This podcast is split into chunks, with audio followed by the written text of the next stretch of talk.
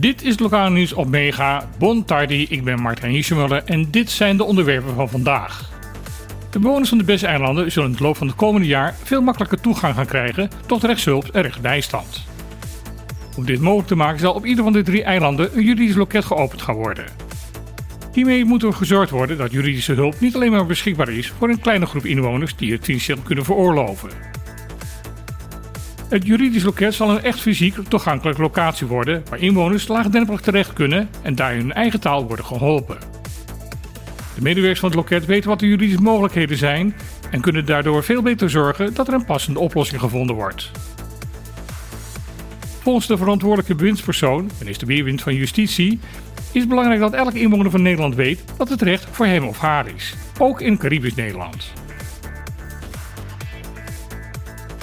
Een van de grootste producenten van dagelijks verse groenten op Bonaire gaat uitbreiden en krijgt een nieuwe eigenaar. De in Nederland bekende agri-ondernemer Eduard van Wonderen zal binnenkort een zeggenschap krijgen over Bonaire Daily Fresh. Dit bedrijf maakt bij het verbouwen van de verse groentes gebruik van het innoverende hydroponisch systeem. Door deze methode groeien de groentes veel sneller dan normaal. De nieuwe eigenaar van Wonderen staat bekend om zijn voorliefde voor duurzame landbouw. Hij benadrukt dan ook dat de huidige missie van Bonaire Daily Fresh onder zijn leiding voortgezet zal gaan worden. Daarom zal in februari van dit jaar met de bouw van een vierde kast begonnen gaan worden. Deze zal halverwege 2024 in gebruik genomen moeten gaan worden. De ruim 30.000 polishouders van NEA Caribe Leven in Curaçao en Sint Maarten kunnen waarschijnlijk een beetje opgelucht adem gaan halen. Het ziet er namelijk naar uit dat hun pensioenpolissen toch gered zullen gaan worden. Dat was een lange tijd uitermate onzeker. In 2006 wordt de Amerikaanse miljardair Hussein Assari de nieuwe eigenaar van de verzekeringsmaatschappij NEA Caribe. Al snel komen er verhalen naar buiten over malversaties van de nieuwe eigenaar. In 2016 besluit de Centrale Bank van Curaçao en Sint Maarten om in te grijpen. Ze nemen toestemming van de rechter het toezicht op het bedrijf over.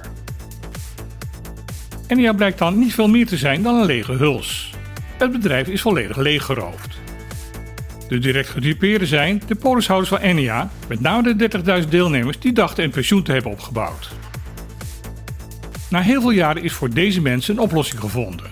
De komende 30 jaar zullen de overheden van Curaçao en Sint Maarten 32,3 miljoen per jaar in het pensioenfonds gaan storten. De centrale bank zal 50 jaar lang een storting van 15 miljoen per jaar gaan doen. Deze overeenkomst moet nog wel goedgekeurd worden door de parlementen van de twee landen. De woordvoerders van de belangrijkste politieke partijen in de Tweede Kamer voor het dossier Koninkrijksrelaties zijn bekend. Als laatste hebben ook de PVV en NSC dit bekendgemaakt. Voor de PVV zal Peter van Hazen het woord voeren als het over het Caribisch deel van het Koninkrijk gaat. Hiervoor was hij raadslid in Zaandam. Nieuw sociaal contract zal door Veet Bruining vertegenwoordigd gaan worden.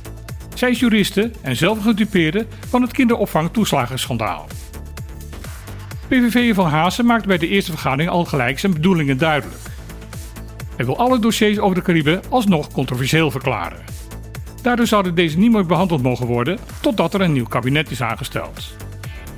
Toen er gevraagd werd waarom hij dat wilde, was het antwoord dat de poppetjes na de verkiezingen net iets anders lopen dan voorheen.